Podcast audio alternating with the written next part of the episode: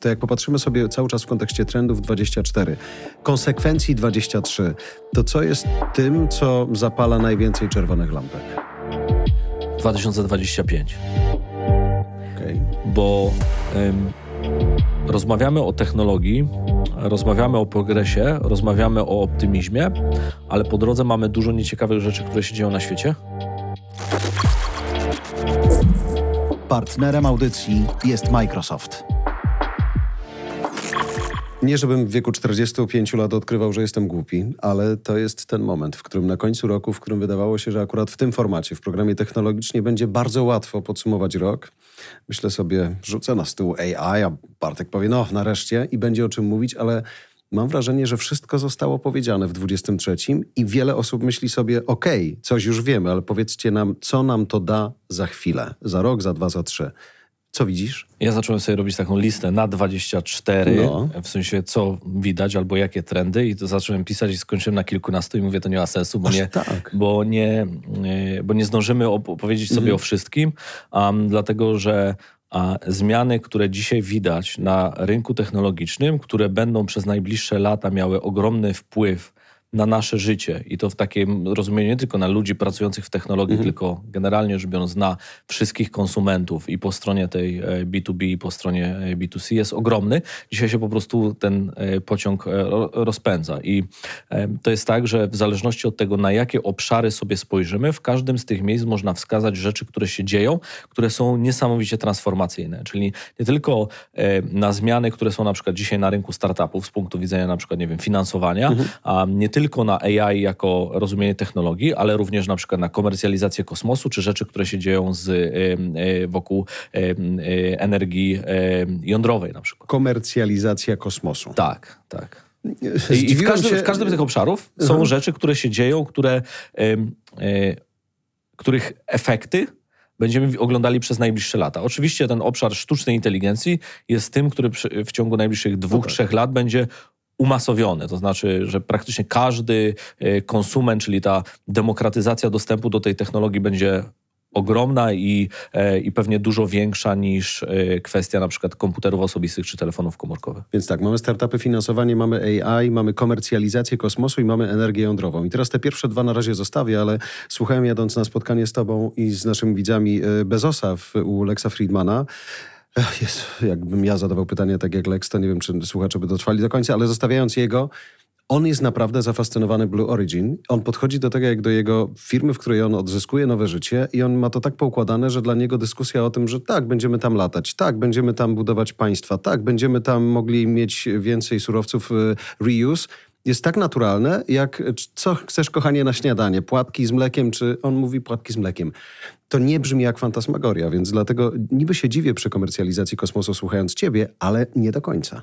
No, zobacz, że to jest tak. E, jeżeli patrzysz na to z perspektywy founderów, mhm. a, no to ta długofalowa wizja jest ważna. Te małe kroki, które musisz stawiać są jeszcze ważniejsze, no bo one cię tam zaprowadzą.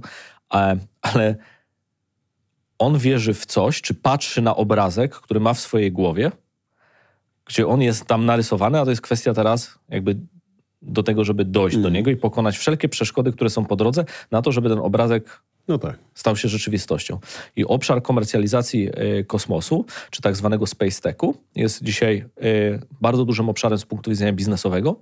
Nie tylko z racji y, tak zwanych rozwiązań, które się nazywają low orbit, czyli to, co się dzieje na niskiej orbicie satelity i cała jakby komercjalizacja tego obszaru, ale również tego, co się może dziać poza orbitą, między innymi mining, czy eksploracja kosmosu i tak dalej. No i są ludzie, którzy po raz pierwszy od wielu lat wierzą, czy uwierzyli w e, długofalową wizję eksploracji kosmosu w kontekście wydawania i realizacji tej, e, e, realizacji tej wizji i wydawania na to pieniędzy, inwestowania pieniędzy z punktu widzenia prywatnych środków, a nie tylko i wyłącznie tego, czegoś, co było tak. do tej pory wyścigiem domeną... Zbrojeń, no, wyścigiem no zbrojeń, tak. ten wyścig zbrojeń trwa, żeby było mhm, jasne, mm, i to na szaloną skalę, natomiast patrzymy na to z perspektywy, że do tego wyścigu dołączają również firmy prywatne czy przedsiębiorcy, którzy bardzo często mają dużo szerszą i bardziej długofalową wizję do celu, dlaczego to robimy. Czyli nie tylko, żeby być lepsi niż kraj to po lewej albo lepsi niż kraj po prawej, ale żeby spróbować być tam, gdzie do tej pory ludzi jeszcze nie było. W przypadku Bezosa tam padło takie pytanie od Lexa Friedmana właśnie w kontekście tego, jakie ty masz dzisiaj marzenia, kiedy je, nie jesteś szefem Amazona, firma działa tak jak działa, jesteś jednym z najbogatszych ludzi świata. I on mówi, wiesz co, w sumie zbudowanie firmy, która będzie mi dawała takie i takie pieniądze, dla mnie byłoby frajdą, ja bym to zrobił, ale nie miałbym poczucia, że cokolwiek zmieniłem, poza tym, że udowodniłem ponownie, że zbudowałem dużą firmę. To, o czym ja myślę, to jest to, że właściwie dziś kupujesz bilet na to, żeby polecieć z Los Angeles do e, Australii, to jest naturalne, będziesz mógł, może nie za mojego życia, ale spokojnie wsiąść do czegoś, co cię zawiezie w przestrzeń, o której dzisiaj wielu myśli not for me. Nawet w branży technologicznej przez ostatnie 10-15 lat, a może dłużej, trwa duża dyskusja dotycząca tego, jak dobrze i jak szybko można się rozwijać. I jest część osób, które podnosiły przez lata kwestię, że rozwijamy się technologicznie zbyt wolno w stosunku do tego, co moglibyśmy robić i że ten progres jest hamowany. Jest szereg argumentów, szczególnie po stronie e, regulacji, widzimy to teraz w obszarze e, AI, że ten progres może być zahamowany. I to ma bardzo często duże konsekwencje. E, I czasami te konsekwencje w czasie są rozłożone. W latach 60. i 70., kiedy pojawiły się idee dotyczące zagrożeń związanych z energią jądrową, konsekwencje tych regulacji w tamtym czasie i zastopowania tego e, rozwoju odczuwamy do dzisiaj. Czyli nasz świat w rozumieniu e, zanieczyszczenia wyglądałby dużo pozytywniej dla nas wszystkich, czyli dużo mniejsze zanieczyszczenie, dużo tańsza energia, gdyby nie zrezygnowano i nie próbowano regulować w tamtych latach, regulować w rozumieniu mm. negatywnym e, tych, tych obszarów. W międzyczasie, kiedy przez e, ostatnie lata, czy w, w obecnym czasie planuje się w Chinach budowę kilkuset małych reaktorów, w Stanach Zjednoczonych przez ostatnie chyba 30 czy 40 lat nie powstał żaden. Mhm. Nie? E, to się teraz zmienia, bo znów są firmy, które pracują nad tymi rozwiązaniami po to, żeby zacząć je budować, po to, żeby zmieniać tą e, perspektywę, ale niezależnie od tego, gdzie E, gdzie spojrzysz, te dwie siły nawet branży technologicznej się ścierają. Zobacz, że przez, to jest, zgodnie z tą obietnicą, że mieliśmy obiecane latające samochody, a dostaliśmy Twittera. Hmm. Nie? I w każdym z tych obszarów są ludzie, którzy robią rzeczy, które są nie tyle Y, nie tylko trudniejsze, ale też bardziej forward thinking, jeżeli chodzi o impact. Nawet jeżeli spojrzysz na obszar na przykład y, AR i VR, czy obszar związany ze sztuczną e, inteligencją, to są tam osoby, które tworzą fajne rzeczy, które są po prostu Sexy dziś. Nie? Dzisiaj, tak? W sensie, bo to jest modne, żeby tak. to robić i są osoby, które próbują budować rzeczy, których do tej pory jeszcze nikt nie zbudował i prawdopodobieństwo mhm. sukcesu jest bardzo niskie, no ale dlaczego tego nie robić, jeżeli masz tą wizję e, w swojej mhm. głowie, nie? Choć tak jak mówisz o energii jądrowej, to dzisiaj zapotrzebowanie na, na energię w ogóle, na prąd, także w kontekście technologii i tego, e, ile trzeba się na, na, na, napracować nad AI-em, ile prądu na to wszystko trzeba, to jest naturalne. Myślę też, że akurat właśnie technologia w tym kontekście sprawiła, że dziś nie myślimy o kolejnych Czarnobylach, czyli y, postsowieckich gigantach, ale to mogą być małe mm, jądrowe elektrownie, które robią robotę i są o wiele bezpieczniejsze, może ich być więcej i koszt wyprodukowania też jest inny. Nie? Dokładnie tak. I to się wpisuje w tą y, wizję jakby y, optymizmu technologicznego, której ja jestem zwolennikiem. To znaczy ja Widać. uważam, że technologia jakby netto prowadzi do progresu hmm. ludzkiego. I jeżeli myślę sobie o tym, co się dzieje na przestrzeni, albo co się może wydarzyć na przestrzeni najbliższych lat, o takich obszarach, które nie mówię o trendach, tak? czyli trend X, trend e, Y, tylko mówię o takich e, ruchach, które transformują branżę, transformują sposób, w jaki pracujemy, e, transformują w sposób, w jaki e, korzystamy z różnego rodzaju rozwiązań. To jest kilka takich elementów, które gdzieś tam w mojej głowie mm. są. Tak? Pierwszy, który jest moim zdaniem bardzo, bardzo istotny, to jest taki, że przyszły rok będzie bardzo trudny generalnie rzecz biorąc dla branży startupów z perspektywy zbierania kapitału. I to już widać. To znaczy, Właśnie ja o to chciałem zapytać. Ja mam wrażenie, ostatnich... że teraz jest skrajnie trudny, patrząc po ostatnich latach. Yy, tak, yy, absolutnie tak. No i ja jestem teraz po takim etapie, gdzie yy, miałem przyjemność mm. i trudność zbierać ten kapitał na realizację określonego biznesu przez ostatnie, przez ostatnie miesiące i to środowisko do zbierania tego kapitału jest bardzo trudne. Czyli awersja do ryzyka w najbardziej ryzykownym obszarze, czyli wśród funduszy venture capital, jest dzisiaj bardzo duża i będzie jeszcze większa w przyszłym roku, czyli ten kapitał do zebrania będzie trudny. To nie oznacza, że dobre projekty nie będą otrzymywały tego kapitału, tylko że będzie trudniej to rozebrać. Trudniej, rozegrać i zebrać. Rozegrać i zebrać ten, ten kapitał, ale na każde na każde złe wiadomości będą przypadały też dobre wiadomości, dlatego że w przyszłym roku moim zdaniem zobaczymy też e, pierwsze lub pierwszego polskiego unicorna. I myślę, że to z perspektywy e, uruchomienia pewnego bycia katalizatorem do myślenia o e, przedsiębiorczości i budowaniu firm technologicznych przez Polki i Polaków powinno być bardzo ważnym stymulantem, ale jednocześnie trzeba pamiętać, że E, ekonomika e, tych produktów to jest coś, na co dzisiaj wszyscy inwestorzy będą patrzeć dwa razy bardziej niż do tej pory i ta awersja ryzyka tam e, istnieje. Tutaj zróbmy pauzę, bo o tą właśnie awersję do ryzyka chciałem Cię zapytać, bo kiedy mm, widzieliśmy właśnie ten dystans do inwestowania w ostatnim roku, a znaliśmy powody. Co będzie nakręcało tą awersję do ryzyka, to ograniczanie ryzyka, bo rozumiem, że pieniędzy nie brakuje, tylko e, nie ma aż takiej chęci do ich wydawania, tak? Inwestorzy w inwestorów, czyli tak zwani LPC, czyli inwestorzy w e, fundusze venture capital, e, oczekują zwrotów. Te fundusze, przez to, że muszą te zwroty dostarczyć, starają się jeszcze lepiej, ich zdaniem, oceniać spółki, które widzą, przez co zanim zainwestują, zastanawiają się jeszcze bardziej, co prowadzi do zwiększenia tej awersji do ryzyka, ponieważ patrzą na to przez pryzmat źle zaalokowanego e, kapitału. I nawet jeżeli te pieniądze od tych inwestorów, od tych LPIS-ów są, to nie oznacza, że będą one wydawane w tak samo e, ryzykowny sposób jak do tej pory, bo już widać, że e, nie są. Dopytam tylko, jakie projekty dzisiaj na stole mają w tych trudnych czasach awersji do ryzyka największe szanse? Są jakieś konkretne grupy? No na pewno w obszarze tym tak zwanym deep techowym. E, tutaj e, ten kapitał jest i jest gotowy do e, e, alokacji. Na pewno w obszarze sztucznej inteligencji.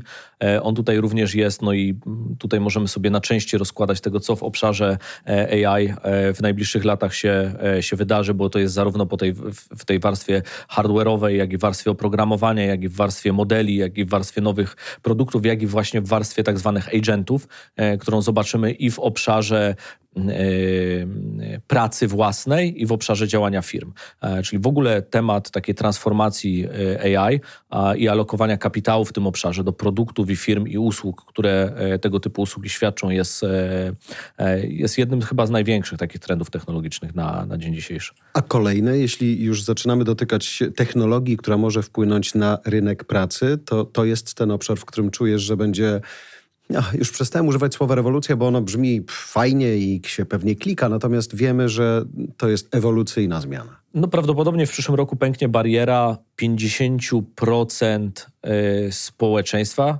e, na świecie, które jest non-stop online. Okay. Non-stop. E, jest takie... Ale mówisz o tym pokoleniu, które jest po prostu podłączone? Nie, mówię o wszystkich. wszystkich. Czyli za 4 miliardy ludzi czyli prawdopodobnie. Czyli prawdopodobnie ponad 50% e, ludzkości będzie e, pasowała do takiego hasła, które się nazywa constantly online. Współczujemy. E, I to ma, to ma ogromny wpływ nie tylko na to, jak dużo firm, usług, kontentu i będzie skonsumowane, ale też ma jakby dwie moim zdaniem ciekawe implikacje. Pierwsza jest taka, że w tym pokoleniu Gen Z, ale też w innych, ale w szczególności w pokoleniu Gen Z, ten mental well-being e, po prostu się e, ewidentnie e, pogarsza i to będzie zaadresowane i po stronie rozwiązań, które pomagają w tym zakresie, no ale też widać, że ten trend jest i funkcjonuje i prowadzi do jakiegoś rodzaju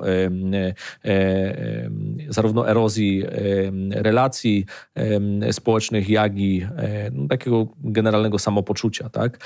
Z drugiej strony widać też na przykład, że ten wpływ dostępności i bycia cały czas online oraz pojawiania się e, usług, automatyzacji, jeszcze większej ilości kontentu prowadzi między innymi do ciekawego e, ruchu, czyli zmniejszenia ilości osób, które studiują na świecie, na rzecz osób, które postanawiają mieć jakąś wyuczoną profesję ale niekoniecznie kontynuować, e, kontynuować edukację na poziomie wyższym, czyli tak zwane trade professions e, e, stają się coraz bardziej popularne.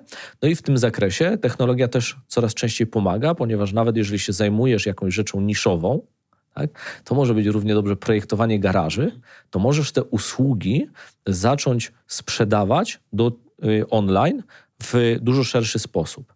E, to chyba w Brazylii jest, e, czytałem te dane, że między 30 a 35% samochodów sprzedaje się na WhatsAppie. Tak? Czyli jednocześnie masz do czynienia ze zmianą pewnego rodzaju zachowań. Z drugiej strony te implikacje tych zmian konsumenckich wpływają też na wybory życiowe ludzi w różnych grupach wiekowych. W tym między innymi na to, czy chcesz iść na studia oraz w jaki sposób chcesz, żeby twoja edukacja e, e, wyglądała. I... Też dlatego, że masz o wiele więcej możliwości edukacji finansowanej w zupełnie inny sposób, zapewniającej inną jakość niż do tej pory y, globalnie, o to chodzi? Też, ale, ale zobacz też, że y, w natłoku tego wszystkiego, co się dzieje, gdzie spędzasz czas, ile rzeczy cię bombarduje i tak dalej, coraz większą rolę odgrywać będzie autentyczność e, tych rzeczy.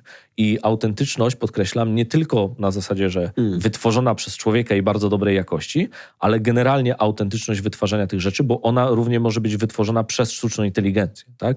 I e, mamy już, e, jest ten trend tak zwany AI personas, tak? czyli różnego rodzaju person, a, e, usług, które możemy e, realizować, ale ewidentnie widać, że tego rodzaju osoby, w postaci tej sztucznej inteligencji, które dla nas będą coraz bardziej autentyczne, nie tylko będą wykonywały dla nas lub za nas pracę, ale też będą partnerami w tym, w tym procesie i z czasem coraz bardziej będziemy traktować te osoby jak postacie. I co ostatecznie, nie wiem, profesora na studiach? Będę z nim robił robotę, będę z nim się edukował? Czy co? A dzisiaj, dzisiaj tego typu projekty już są, no bo z jednej strony masz Camingo, ten projekt w Duolingo, taki czatowy, ale też e, takich indywidualnych e, AI tutors na przykład w rozwiązaniu typu syntezja, e, które e, no, bardzo dobrze na dzień dzisiejszy się zapowiadają i w każdym obszarze będziesz dostawał takie osoby. Ja osobiście wierzę, że na przestrzeni najbliższych lat zobaczymy sytuację taką, w której pracownik w organizacji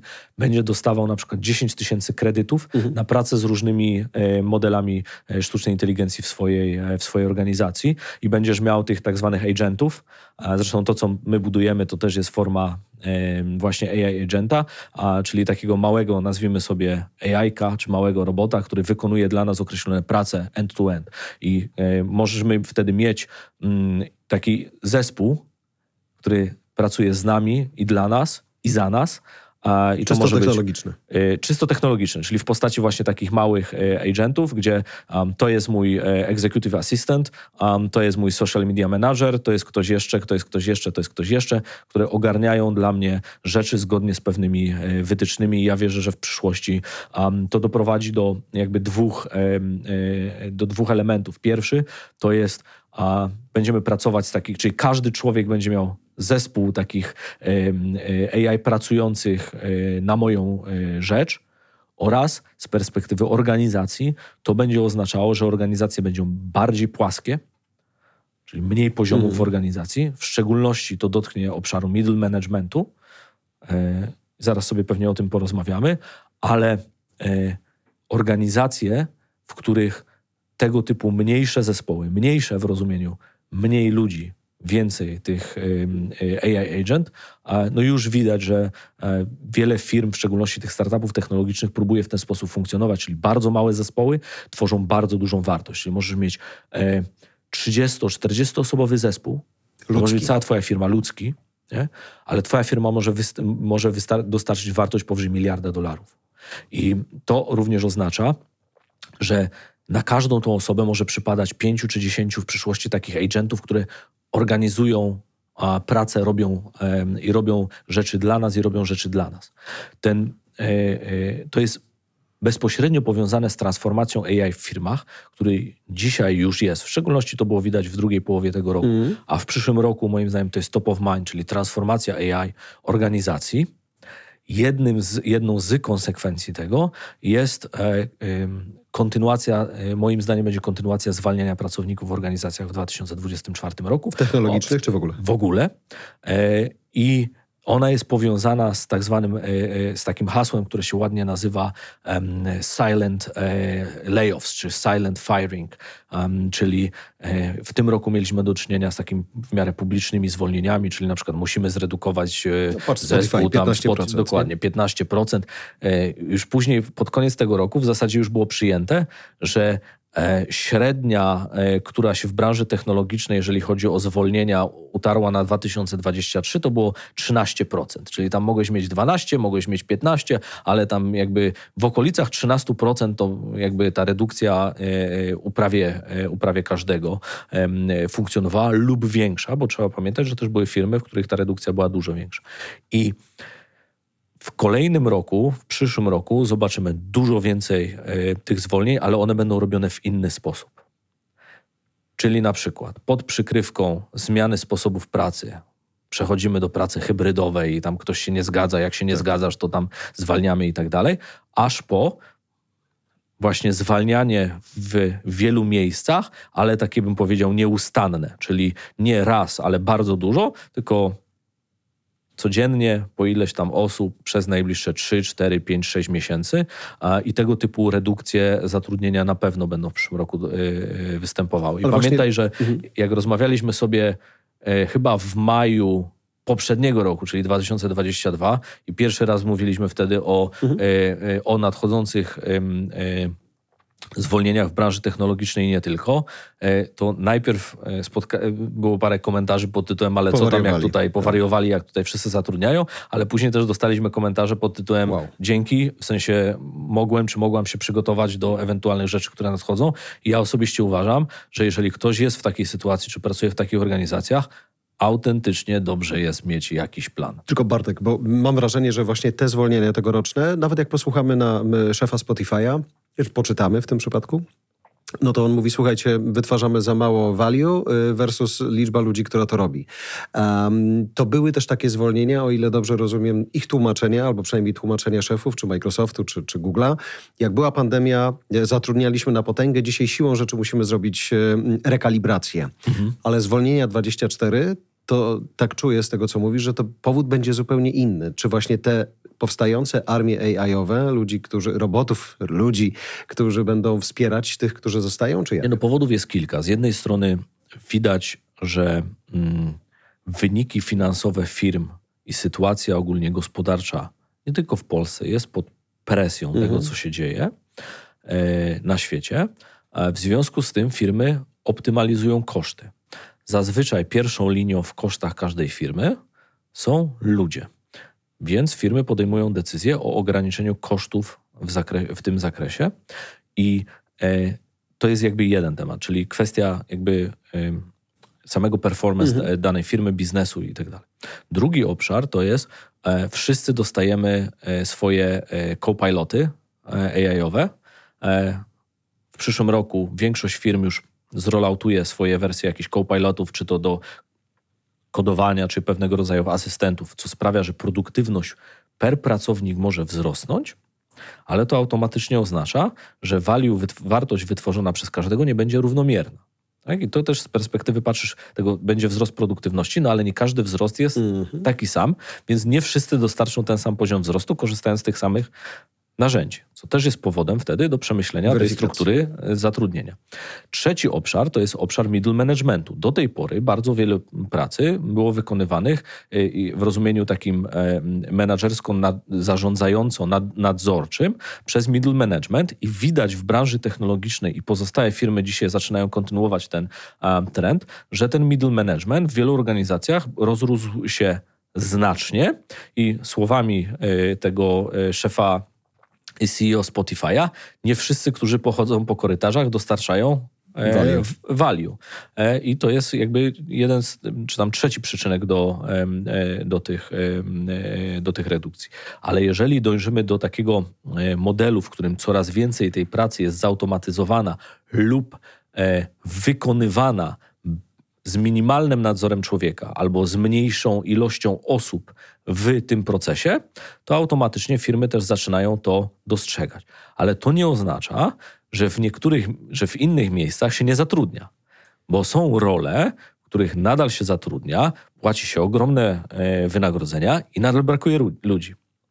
Tylko to Ale- są, rozumiem, takie role, na które naprawdę trudno się załapać. Nie zawsze. To są czasami, y, trud, y, to są czasami role, na które po prostu trudno znaleźć ludzi, którzy mają odpowiednie Wiedzę. cechy. Mhm. A, Nawet nie cechy, tyle okej. wiedzę, tylko mają odpowiednie cechy, tak? No bo e, wiesz, e, ludzi, którzy mają wiedzę na jakiś temat może znaleźć dużo, a ludzi, którzy dowożą w tym temacie jest dużo mniej, To prawda. tak?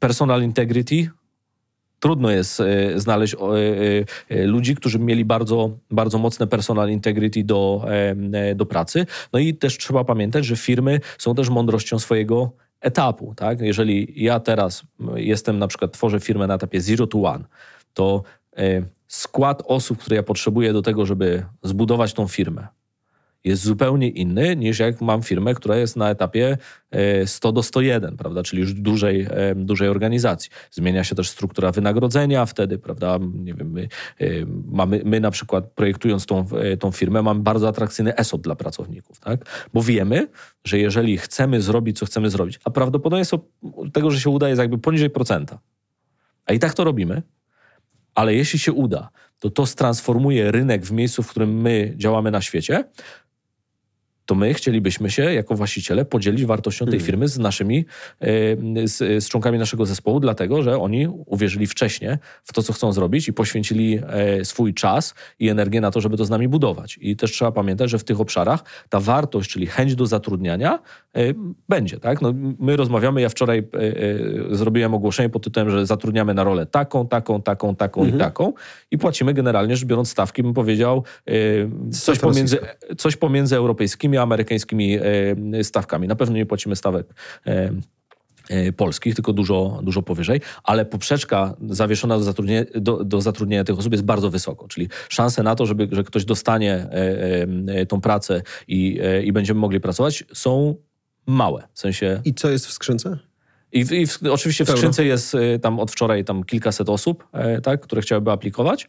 E, natomiast e, to, to jakby jest ten sygnał, że z jednej strony możesz mieć miejsca, w których się zwalnia i są miejsca, w których się zatrudnia. Z perspektywy indywidualnej bardzo ważne jest zadać sobie pytanie, tak, I to nie chodzi o to, czy jesteś przedsiębiorcą, czy pracujesz w jakiejś, czy pracujesz w jakiejś firmie, czy pracujesz w korporacji, czy w startupie i tak dalej. To jest, czy jestem na właściwej trajektorii. Nie? W sensie, czy jestem na właściwej ścieżce i czy e, ta ścieżka, którą sobie obrałem, czy obrałam, to jest ta właściwa.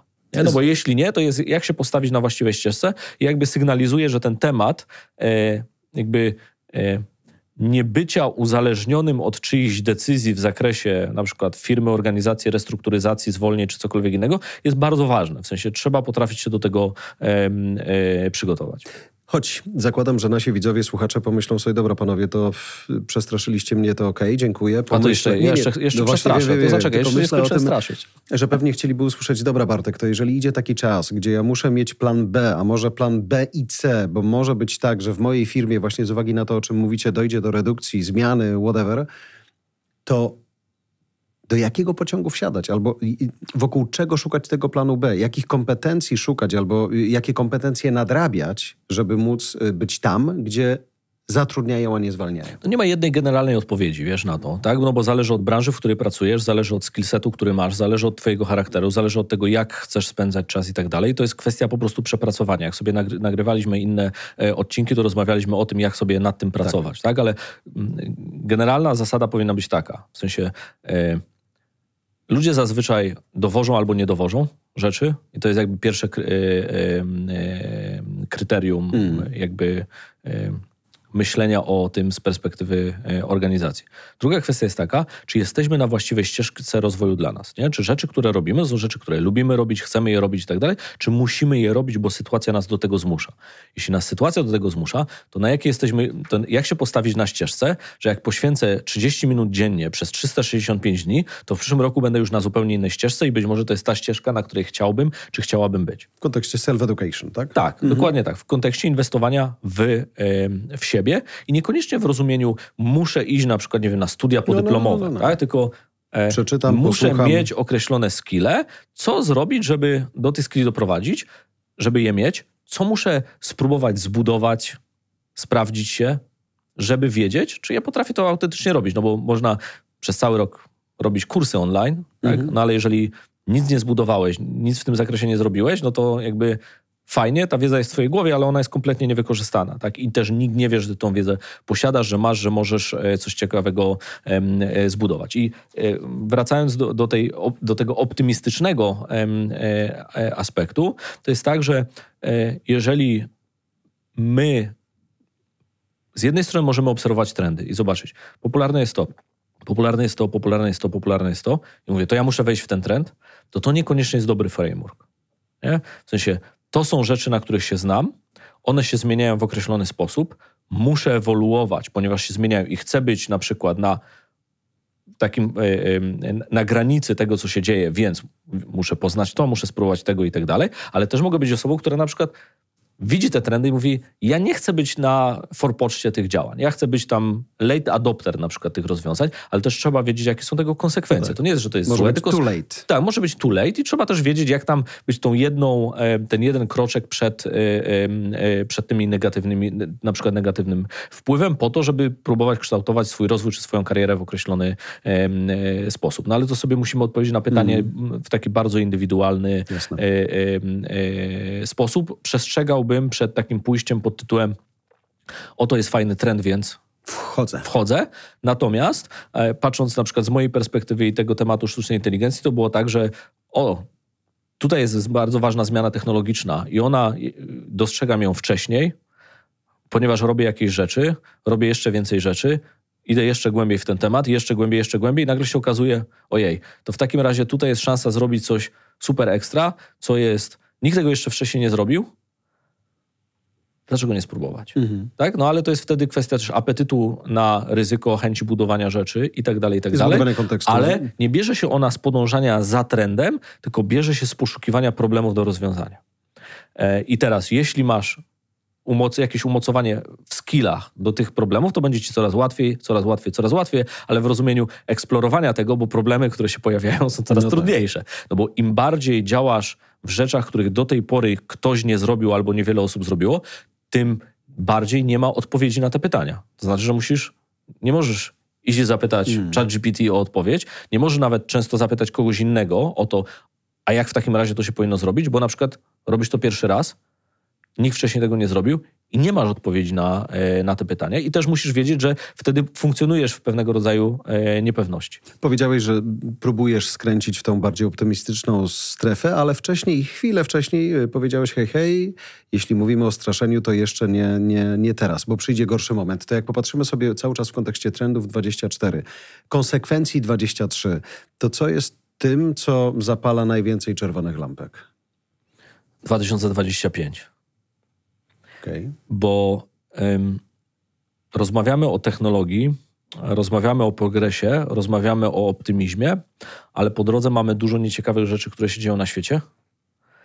I e, jeżeli poskładasz sobie sygnały, które płyną z różnych miejsc, na przykład e, Biuro Bezpieczeństwa Narodowego mówi, że mamy czas do 2025 roku, żeby się ogarnąć w zakresie e, zagrożeń ze strony rosyjskiej, a jednocześnie w Finlandii jest wysłany komunikat do wszystkich rezerwistów, że do 2025 roku macie wszyscy być w top formie, to jest to taki rodzaj eventu, który być może ma niską szansę wystąpienia, ale jeśli wystąpi, to pytanie jest takie, kto jest na to przygotowany i co mm. przez ostatni rok, czy przez najbliższy rok albo dwa zrobimy w tym e, zakresie, żeby nas nie zmiotło z planszy.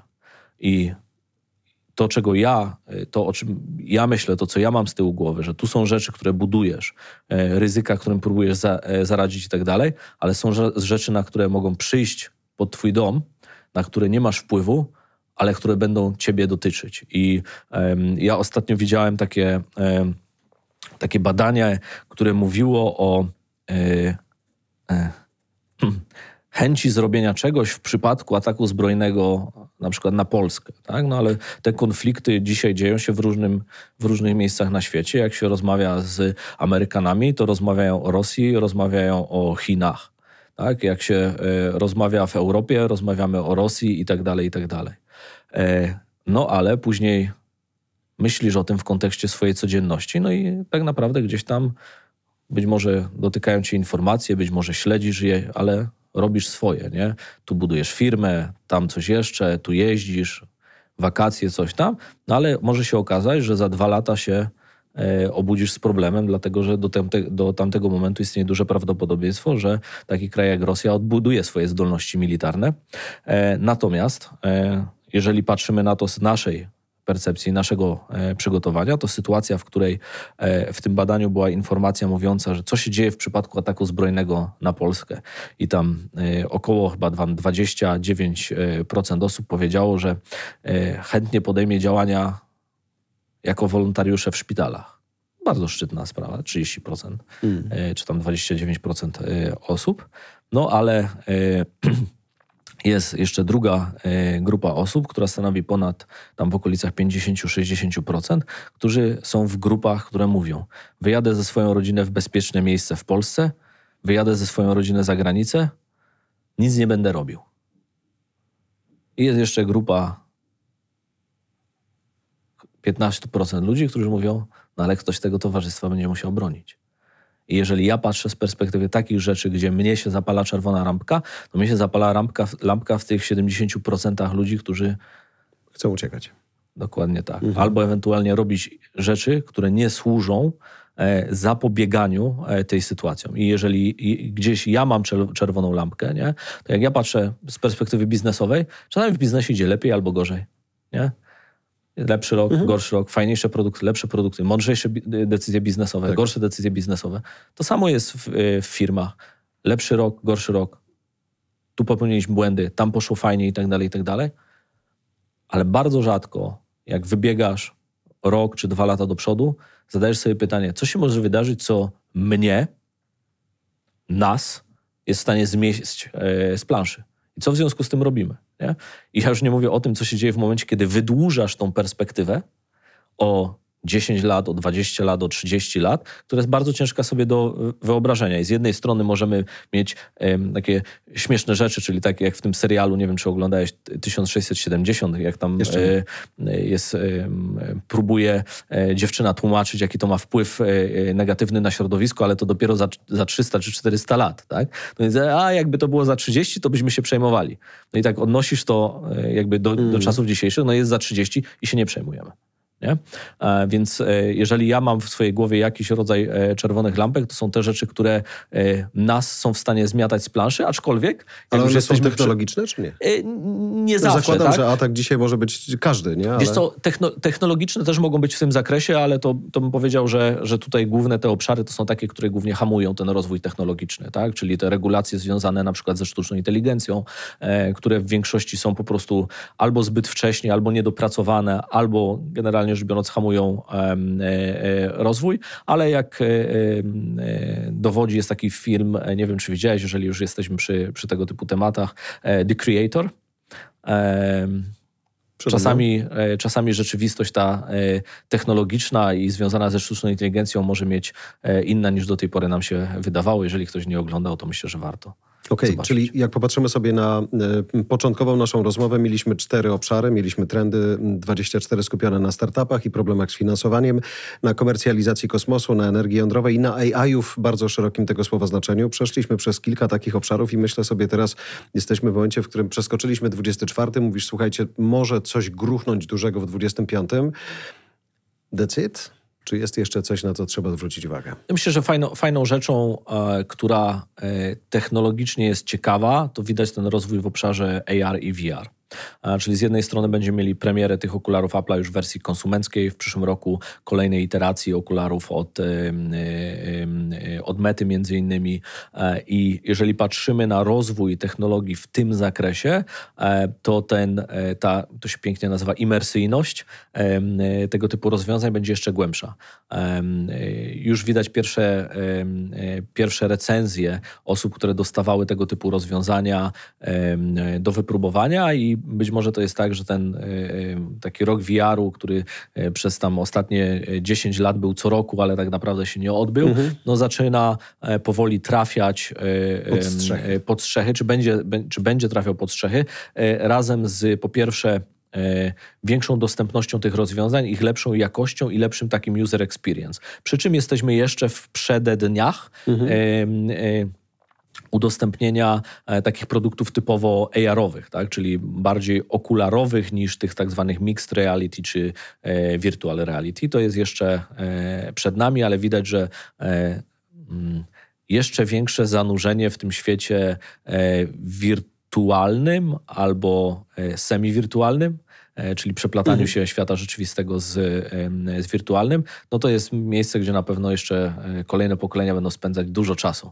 Choć dużo bardziej zanurzone. Rozumiem, że 24 to może być ten rok, kiedy to jest trochę no, lepiej wygląda, e, wygodniej w tym i efekt końcowy jest lepszy niż to wszystko, co możemy oglądać na tysiącu różnych konferencji, gdzie możemy na chwilę wejść, poczuć, powiedzieć not for me now. Nie? Tak, tak. Wiesz co, bo, bo z jednej strony to jest też pytanie, yy, yy, bardzo często jak patrzymy na progres, to oczekujemy tych eureka, czyli tam mhm. ktoś wynalazł, coś pokazał i tam wszyscy mówią wow i od tej pory świat będzie inny. I takie rzeczy e, raczej nie następują, bo ten progres, um, nawet jak spojrzysz na temat sztucznej inteligencji, no to to nie jest wydarzenie e, tylko i wyłącznie jakby jednego produktu, tylko progresu e, technologicznego, który się dział e, przez lata. No i z jednej strony czasami niektóre rozwiązania są zaskakujące, tak? No bo tak zwane humanoidy, czyli te takie roboty przypominające ludzi, to były zawsze taka, wiesz, science fiction i w ogóle. Natomiast mieliśmy dopiero tam chyba dwa tygodnie temu pokazanego humanoida od, czyli takiego humanoidalnego robota właśnie od Elona, ale w przyszłym roku jeszcze zobaczymy dwie, trzy firmy, które w tym zakresie pokazują nowe rzeczy. To jest bardzo ciekawe, dlatego że progres na przykład w zakresie tych, e, tych, e, tych robotów, takich humanoidów przypominających w rozumieniu konstrukcji, e, sylwetki bardziej, e, niż jakichkolwiek innych elementów e, ludzi, no ale zasilanych tymi modelami sztucznej inteligencji może być na przykład bardzo ciekawą rzeczą, której do tej pory się nie spodziewaliśmy, no ale później się okazuje, że jednak tego typu humanoidy gdzieś tam biegają w miejscach, w których do tej pory mhm. na przykład biegali tak? ludzie tak? i nie wiem, może były zbyt ryzykowne, może zbyt dużo wypadków, może zbyt obciążające, być może zbyt niskopłatne i tak dalej, i tak dalej, ale ten progres e, też w tych miejscach e, jest. I e, wydaje się, że na koniec dnia, niezależnie od tego, jakie to są trendy, a to są tam wspólne w zakresie tym technologicznym, to są wspólne, dwa wspólne moim zdaniem mianowniki. Pierwszy jest taki, że rzeczy dzieją się tam, gdzie masz do czynienia z optymistami, I w każdych z tych miejsc, gdzie jest atencja właśnie tych optymistów, ludzi, którzy mają e, wizję, żeby robić coś kawałek dalej, a e, to są te miejsca, w których ten rozwój następuje, a w miejscach, gdzie mamy do czynienia z zbyt dużą ilością regulacji, głównie następują monopole i utrudnienia w tym zakresie, czego przykładem może być na przykład edukacja. Więc optymizm to jest jakby jeden element, a druga są ludzie, którzy po prostu robią rzeczy. Nie? Czyli możesz narzekać, że czegoś nie ma, e, możesz narzekać, że to jest złe, no ale obok tego są ludzie, którzy widzą w swoich głowach pełny obrazek, ale na razie są dopiero na pierwszym szkicu. Mhm. Nie? E, i, e, I to ci ludzie później tworzą te rzeczy, z których później korzystają wszyscy inni. E, więc to też jest pytanie, w jaki sposób przede wszystkim takich ludzi znajdować, w jaki sposób z takimi ludźmi pracować, czy dla takich ludzi pracować, no bo na koniec dnia wtedy jest szansa na to, że to może być najfajniejsza przygoda w robieniu. Jeżeli ktoś siedzi w branży technologicznej e, i e, ma możliwość bycia w pierwszym rzędzie robienia fajnych rzeczy z fajnymi ludźmi, to myślę, że nie ma lepszego miejsca na sali.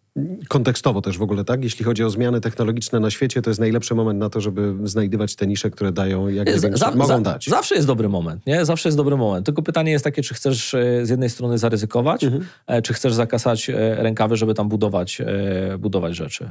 I nie ma nic złego w nierobieniu tego, nie? No ale jak fajna jest przygoda, kiedy to robisz. Już teraz y, mam cały czas na kartce teraz 2025 y, i widzę, jak tam jest czarno po tym, co narysowałeś, więc nie, nie wiem w sumie, co, co nam ten najbliższy da. Na, najtrudniejsze, myślę, na koniec y, audycji jest to, że zawsze jak człowiek myśli o trendach, czy w ogóle jest końcówka roku, to niezależnie od tego, jak on był ciężki, może nawet jak był fajny, myślisz sobie, kurczę, jest jakaś szansa, że najbliższe 12 miesięcy będzie lepsze. A ja się doczołguję do końcówki tego i, i tak naprawdę nie wiem, z czym jeść 24, bo mm, mm, ostatnie lata przeleciały tak szybko, że bardzo dokładnie pamiętam swój stan y, emocjonalny, umysłowy, każdy sprzed ostatnich 12, chwilę temu i wcześniej. I to było tak, że jednak żyliśmy strachem y, i taką delikatną nadzieją. Teraz masz wrażenie, szczególnie patrząc po Polsce, zobacz, dobra, inflacja w dół, nie? Wojna się tli, ale już powiedzmy nie ma, nie ma eskalacji. Y, Władza się zmieniła, dla jednych to nadzieja, powiedzmy dla, dla innych nie, ale, ale to też jest coś takiego, że mm, myślisz sobie, w sumie na tym stole są raczej pozytywne rzeczy, a mimo wszystko masz ochotę mieć dystans do 24. No bo pytanie jest, pytanie jest takie, czy przyszły rok minie ci szybciej, czy wolniej niż A, ten? no właśnie. Ja mu życzę, żeby był wolniejszy. Nie? No ale to teraz jest pytanie, co się musi wydarzyć, żeby dla ciebie był wolniejszy, nie? Że Musi, być bardziej po, ba- musi być bardziej po twojemu, nie? W jakim sensie? No musi być bezpieczniej, stabilniej, bardziej przewidywalnie, to będzie wpływało na tempo. I są rzeczy, na które ty masz wpływ i rzeczy, na które nie masz wpływu. Nie? I teraz większość z tych rzeczy, które wymieniłeś, to są rzeczy, na które najczęściej nie mamy wpływu. nie? Tak? E, Natomiast rzeczy, na które masz wpływ, no to jest pytanie, w jaki sposób spróbować sobie, No tak. e, czy to uwolnić ten czas, czy podejmować lepsze decyzje, czy Inaczej bardziej ryzykowe, teraz, czy inne decyzje, czy cokolwiek innego. I wydaje się, że niezależnie od tego, jakie te trendy technologiczne są, no bo 20 lat temu były inne, 10 lat temu były inne, teraz są inne, to na koniec pytanie, jak bardzo pozytywny w stosunku do tego jest, do robienia rzeczy jesteś, jak bardzo ci się chce nadal robić, e, robić rzeczy i jak bardzo jesteś na tym skupiony. Nie? No bo znów możesz mieć rozrzucone mnóstwo Tak. e, tych rzeczy na stole e, i podążać za każdym najbardziej fajnym trendem, ale w żadnym nie znajdziesz na tyle głęboko, żeby próbować go wykorzystać i coś zbudować e, e, ciekawego. Nie? E, a jak nie zejdziesz głęboko, będziesz wiedział dużo rzeczy o bardzo wielu rzeczach, No ale tak. o żadnej rzeczy, jak ją tak naprawdę zrobić. Nie? Będziesz zmęczony przesytem i tak dalej. Dokładnie Natomiast tak. do tego, żeby być skupionym, myślę, potrzeba jakiejś dojrzałości i też takiego bezpieczeństwa. W moim przypadku myślę, nie wiem, finansowego też, żeby móc... y, No, rozmawiałem chwilę przed spotkaniem z tobą, z człowiekiem, który mówi, "S- przyjdzie do mnie, przychodzi do mnie co chwilę ktoś i chce kupić moją firmę za naprawdę duże pieniądze. I teraz myślę sobie tak, no mogę to zrobić, ale dzisiaj, mając tę firmę, która daje mi taką frajdę, ja w każdej chwili mogę i tak zainwestować w nowe rzeczy i jak stracę, to mam gdzie odrobić. Jak sprzedam i będę inwestował i stracę, nie będę miał gdzie odrobić. Więc jednak mimo wszystko, choć pieniądze szczęście nie dają, to dają poczucie sprawczości i bezpieczeństwa. To do tego, o czym mówisz, tego optymizmu i robienia rzeczy, czasami w niszy, czasami na dużym ryzyku, potrzeba no, innego state of mind. No i piękna puenta. Za dużo anglicyzmów. Przepraszam słuchaczy za to, a może my się szykujemy za granicę You Never Know. Dzięki Bartek, dobrego roku i do zobaczenia. Dzięki. W kategorii wydarzeń roku AI nie ma konkurentów. Także Microsoft pokazał, że potrafi na tej fali płynąć, nawet w kryzysie wokół OpenAI. Naszym gościem już za chwilę będzie Jan Kleczkowski, Microsoft Polska. Gdybym teraz zapytał mojego kopilota, wybierz mi najważniejsze technologiczne wydarzenie 2023, to jak myślisz, co by wskazał?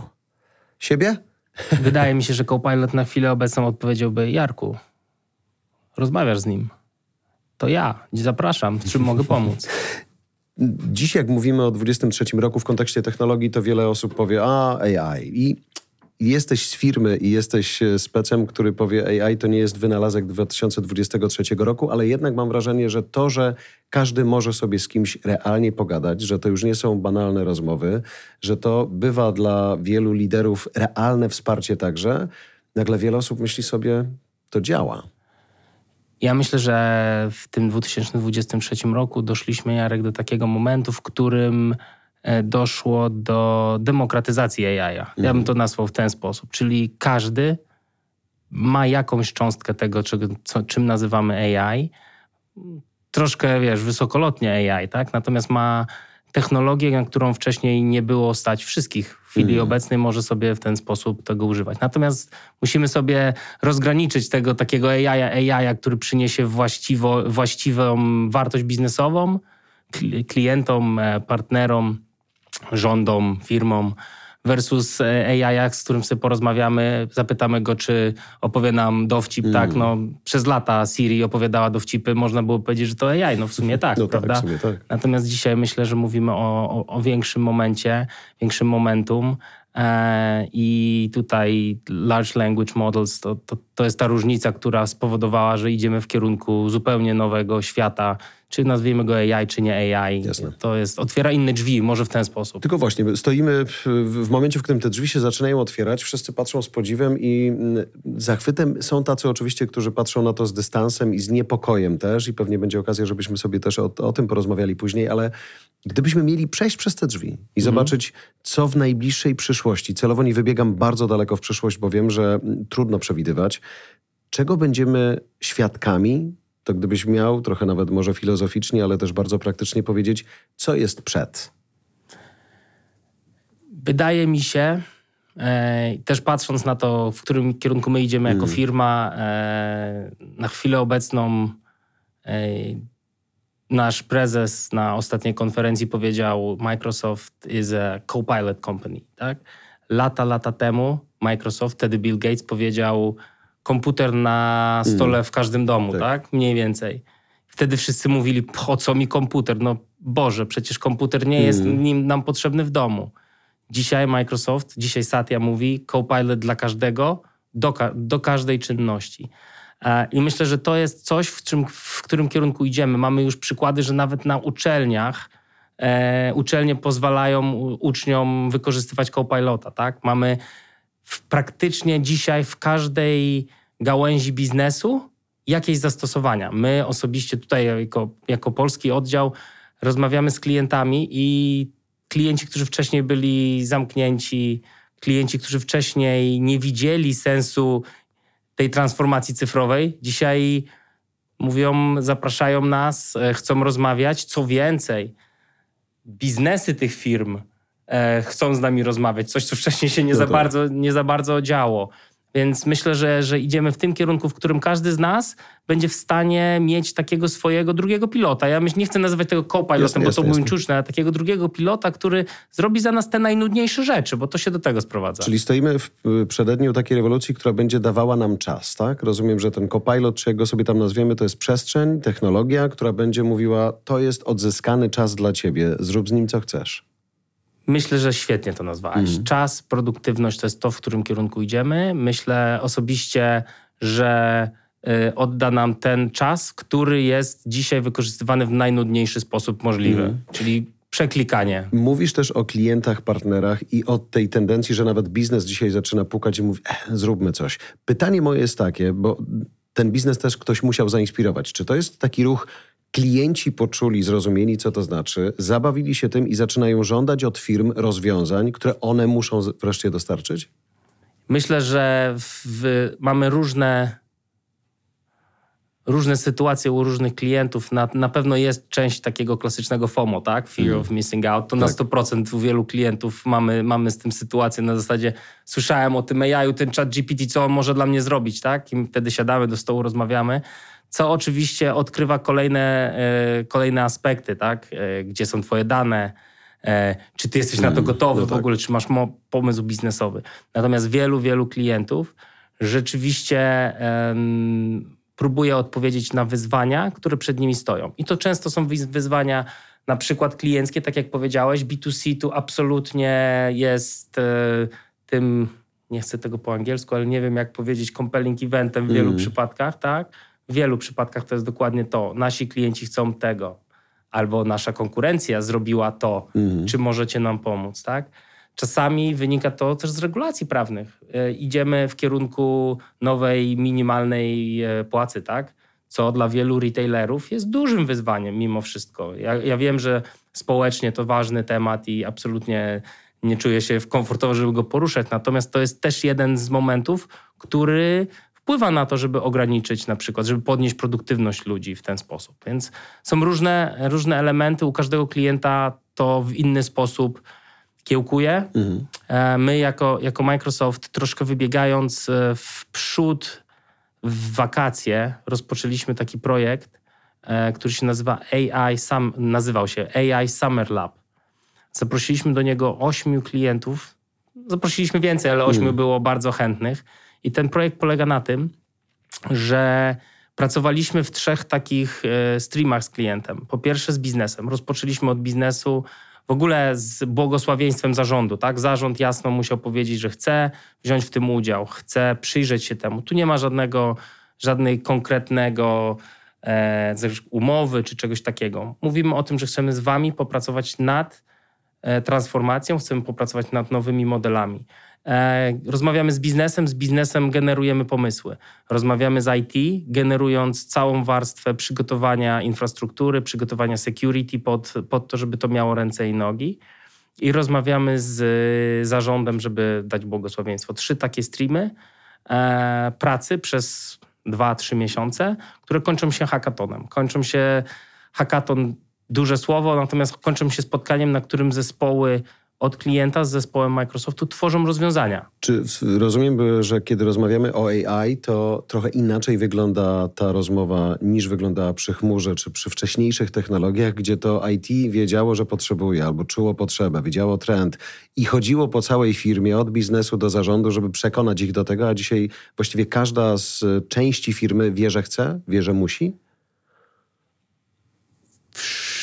Może nie wszyscy, większość ludzi hmm. bawiła się chat GPT. Większość ludzi widzi, e, potrafi sobie wyobrazić, gdzie ten biznes może zostać zaadresowany dla nich. E, I każdy chciałby, może nie każdy, przepraszam, mhm. wszy, nie wszyscy, ale większość ludzi chciałaby znaleźć dla siebie kawałek tego chleba, kawałek tego tortu, z którym pójdzie. Więc absolutnie tak jak powiedziałeś, jeżeli chodziliśmy przez ostatnie pięć lat, siedem, mhm. rozmawiając o skalowalności, bezpieczeństwie, no tak E, chmury, e, modernizacji aplikacji, etc., etc., to u większości klientów był opór e, na zasadzie nowe aplikacje, absolutnie idźmy do chmury, to jest fajny pomysł.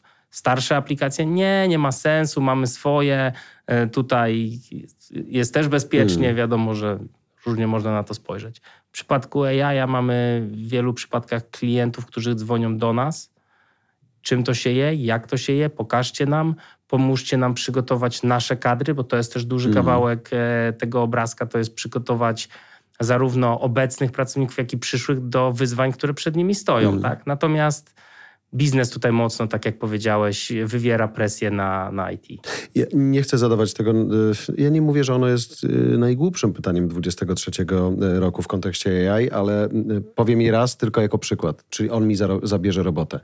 Ale z tego stwierdzenia chcę raczej zapytać Cię, na ile dzisiaj działy HR stają się też klientami, bo wiedzą, że nawet nie myśląc zastępowalnością, ale myśląc reskillingiem czy dawaniem tego typu benefitów pracownikom, które one mogą dla nich uwalniać ten czas, stają się jednym z głównych klientów, działy HR. Działy HR są absolutnie jednym z pierwszych działów, które jako Microsoft adresowaliśmy u większości mm. naszych klientów. E, nasz zespół rozpoczął pracę z działami HR chcę powiedzieć, trzy lata temu, może chwilę, mhm. chwilę wcześniej.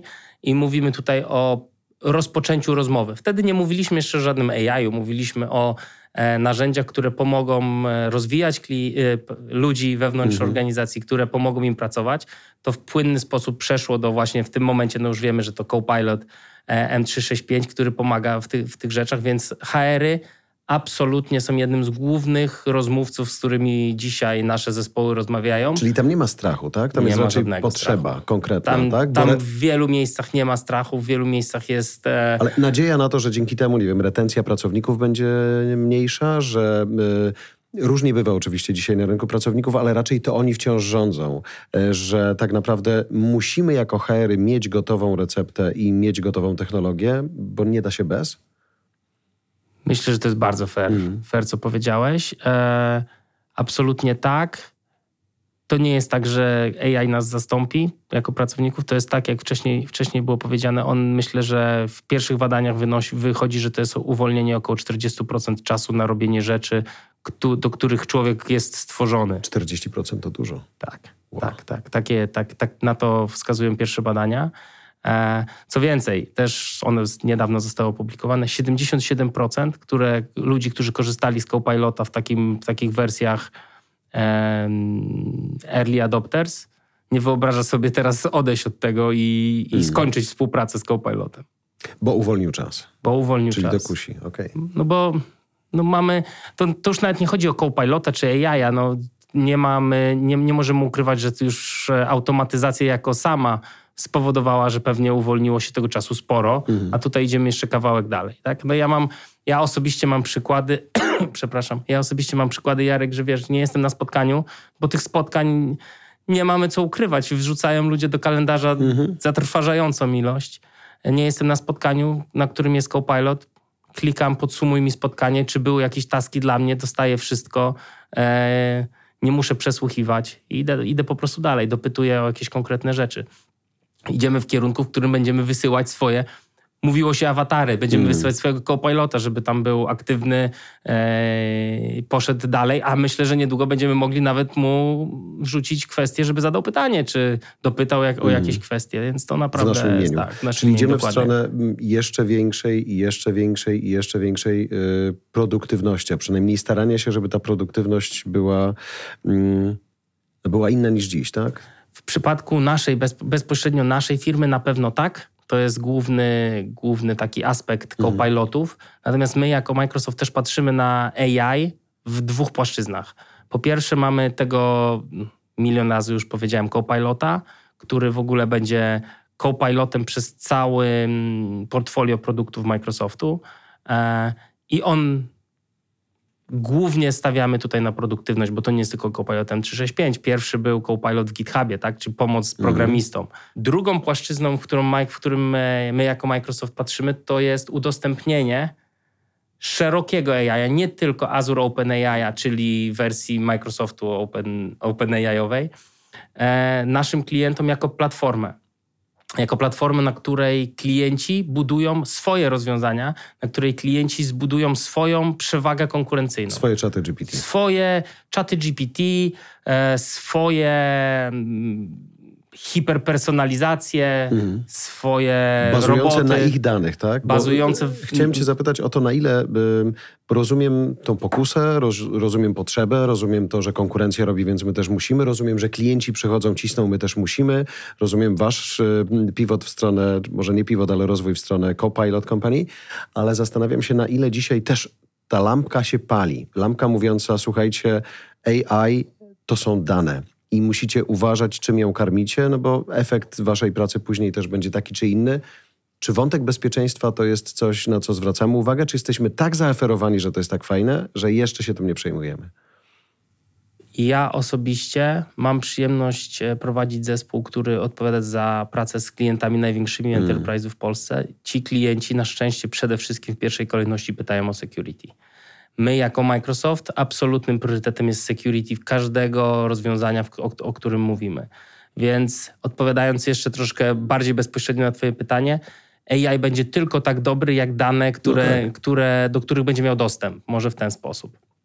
E, o tyle istotne jest to, bo już były różne historie, tak? Myślę, że następne będą wychodziły, jak to AI spowodował różne rzeczy w firmie, natomiast one w większości przypadków sprowadzają się do tego, że ktoś na przykład firmowe dane wrzuca do otwartej wersji ChatGPT, tak? I to mm. moment jest, no to, to nie można w ten sposób działać. My jako e, enterprise grade, nazwijmy to e, AI, absolutnie w pierwszej kolejności patrzymy na security i na dane. Natomiast ta historia z AI-em rozpoczyna się tak, jak rozpoczęliśmy na początku, tak? My musimy budować AI albo bardziej aplikacje, które korzystają z właśnie z Azure OpenAI w tym przypadku, musimy budować na naszych danych, bo tylko wtedy możemy zdobyć przewagę konkurencyjną, no bo na danych publicznie dostępnych, no, no tak. to każdy ma te same, więc to jest żadna wartość będzie. Właśnie o to cię chciałem zapytać, bo jeżeli dzisiaj, myśląc nawet agencją taką jak, nie wiem, jak, jak nasza, jak Kuźner Media, że dzisiaj... Yy, przez długie lata myśleliśmy spokojnie, roboty w firmach tak, kreatywny przemysł zawsze będzie kreatywny. Nagle się okazuje, że wcale nie. Ja już nie chcę wchodzić teraz w szczegóły, jak pięknie potrafi zadbać o dźwięk, o obraz, o, o film także, AI. Natomiast myślę o tej przewadze właśnie, bo jeżeli wszyscy będziemy mieli podobną technologię, to czym będziemy mogli się wyróżniać? E, w przypadku tej Mhm. technologicznej to, to tak jak powiedzieliśmy, to nasze dane i nasze pomysły i nasza kreatywność Wciąż. będzie kluczowa do tego, w którym miejscu się znajdziemy. No Okej. bo dzisiaj tak naprawdę jesteśmy na peronie, ten pociąg sobie tam odjeżdża, jeszcze kilka, wydaje mi się, że kilka Mm. wagonów jeszcze jest, do których można wskoczyć. E, I jeżeli my do tego nie wskoczymy, to już później nie będzie za bardzo Okej. jak. Natomiast tak wracając jeszcze kawałek, tak jak ci opowiedziałem o tym AI Summer Labie, z każdym klientem czasami z tych samych, e, z tych samych segmentów Mhm.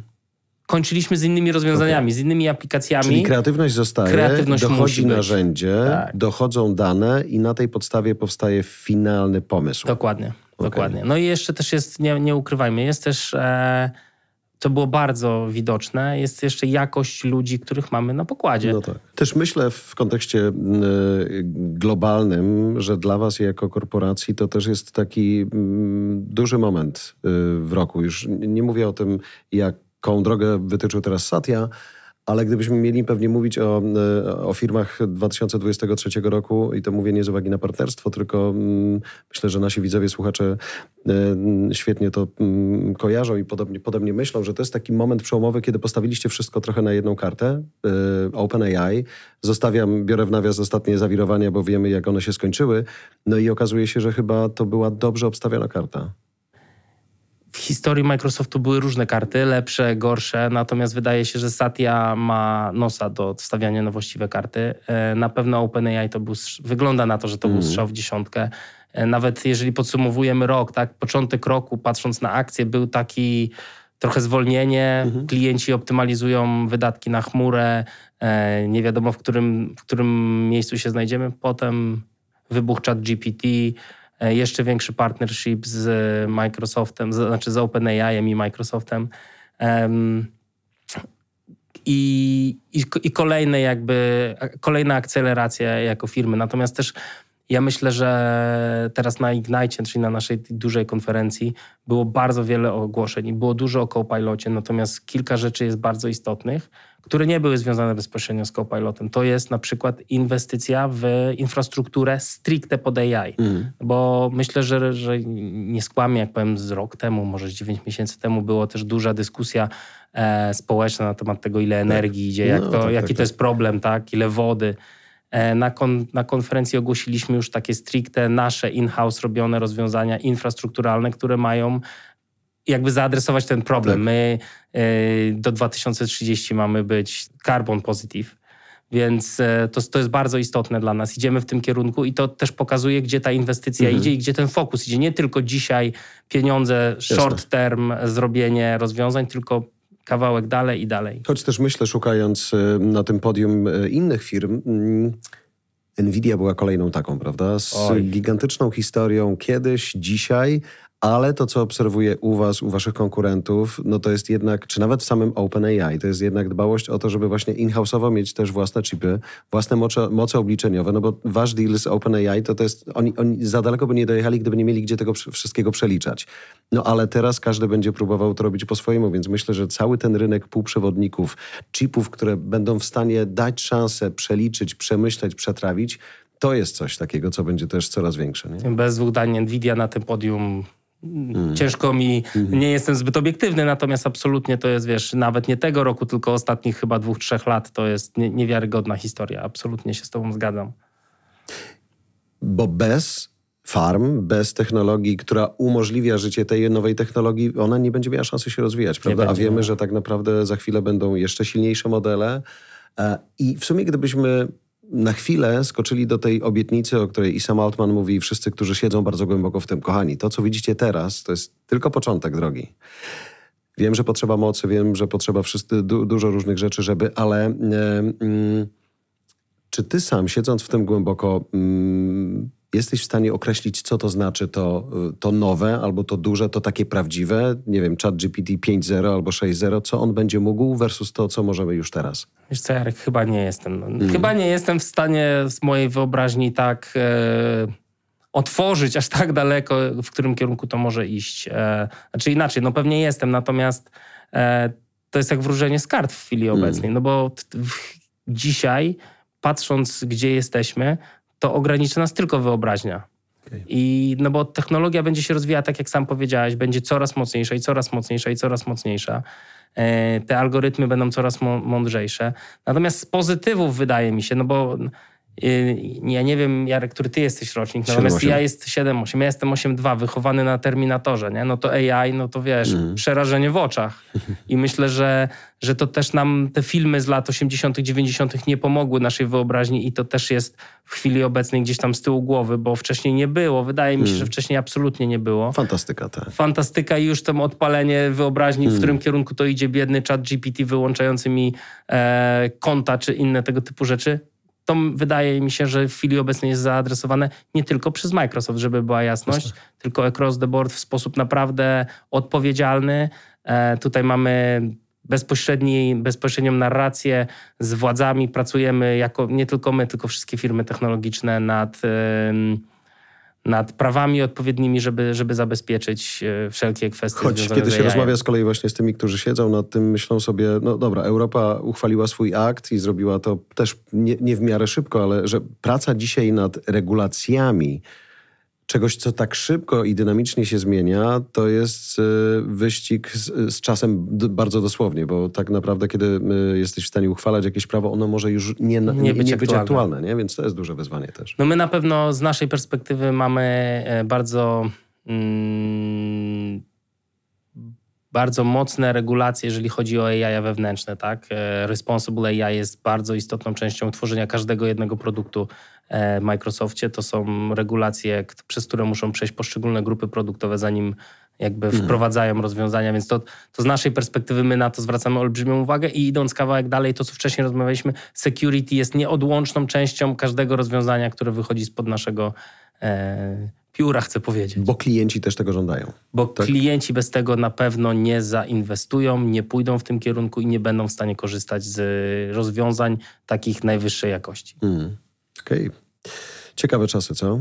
Bardzo ciekawe czasy, bardzo ciekawe czasy. Choć y, dużo polskich firm, rozmawialiśmy o tym zanim kamery zostały włączone trochę, dużo polskich firm jest jeszcze na etapie obwąchiwania się, oswajania czy rozgaszczania się w chmurze, a nagle pojawia się coś o wiele, może nie, nie tyle o wiele większego, ale coś równie fascynującego. To jest tak, że oni... Mm, rozumieją, potrzebują, czy, bo rozumiem ciśnienie, że nie ma co z tym dyskutować, trzeba spróbować, ale na ile to jest powszechna adopcja, e, e, tak jak z chmurą, tak za jajem teraz, a na ile to jest jednak dystansowanie się jeszcze, próba wejścia do tego pociągu, ale nie na full skalę, dlatego że dajmy sobie chwilę. Pięć lat temu była bardzo ciężka rozmowa, trzy lata mm. temu była ciężka. W chwili obecnej e, większość polskich klientów, firm, większość polskich mm. firm rozumie, w którym miejscu są, rozumie, w którym, w którym miejscu chcą się znaleźć. Mówimy tutaj, mówimy tutaj o sytuacjach, gdzie rzeczywiście duzi gracze mają, zaczynają budować strategię albo już je mają, zaczynają budować coś, co my nazywamy landing zone, czyli taki powiedzmy scenariusze przygotowania infrastruktury po to, żeby pójść już do tej chmury, co za nią idzie AI. Więc większość polskich dużych klientów, dużych e, brandów, mm. logotypów jest już w tym miejscu. E, natomiast też musimy zdawać sobie sprawę z tego, że to nie jest tak, że jesteśmy z przodu tego wyścigu. Większość krajów już tam jest. I ja tutaj też, żeby było hmm. jasno e, zrozumiane, nie mówię o migracji do chmury no dla tak, migracji tak, do tak, chmury, tak, bo to nie ma absolutnie sensu. W wielu miejscach nie jest opłacalne, nawet czysto finansowo. Natomiast mówię tutaj o sytuacjach, w których chcemy rozwijać biznes i iść do przodu i budować nowe takie stream revenues, tak? E, revenue streams. I to są moim zdaniem miejsca, gdzie my jako Polska musimy zacząć być bardziej nieefektywni, szybsi. Mm. Szybsi w podejmowaniu decyzji, szybsi w egzekucji tych decyzji e, i też w wykorzystywaniu takich dużych graczy jak Microsoft i inni, inni, którzy są na tym rynku, wykorzystywaniu know-how, wykorzystywaniu środków, zasobów, mm. po to, żeby tą, ten, ten rozwój biec do przodu z nim. No, nie wspomniałem o tym na samym początku, ale zakładam, że akurat nasi widzowie, słuchacze to rozumieją. Y, nie, też pracujecie z małymi, ale tutaj mówimy o rzeczywiście największych polskich firmach, więc to, y, to, to ważna uwaga, że tak naprawdę czas będzie tutaj grał rolę. Szczególnie, że jeżeli mówisz o know-how, no to know-how też się będzie bardzo dynamicznie tak. zmieniało. To nie można powiedzieć, wiem wszystko, tylko z miesiąca na miesiąc, kwartału na kwartał przychodzi co chwilę nowa, nowa porcja wiedzy. Uśmiechaliśmy się też, zanim spojrzeliśmy Państwu w oczy nad tym, że Dwa tygodnie do końca roku. Ja zapraszam Bartka Pucka i mówię, chodź podsumujemy rok. On mówi, wiesz co, jeszcze się sporo może wydarzyć. Mówię, ale jak? Chyba najważniejsze już za nami, więc to jest rzeczywiście bardzo, bardzo dynamiczny czas. Warto zapiąć pas. Absolutnie, zapinamy pasy, bo Będzie się działo. tak. Bardzo dziękuję Jan za spotkanie Dzięki i rozmowę. Dziękuję. Partnerem audycji był Microsoft, który wspiera rozwój polskiej Doliny Cyfrowej.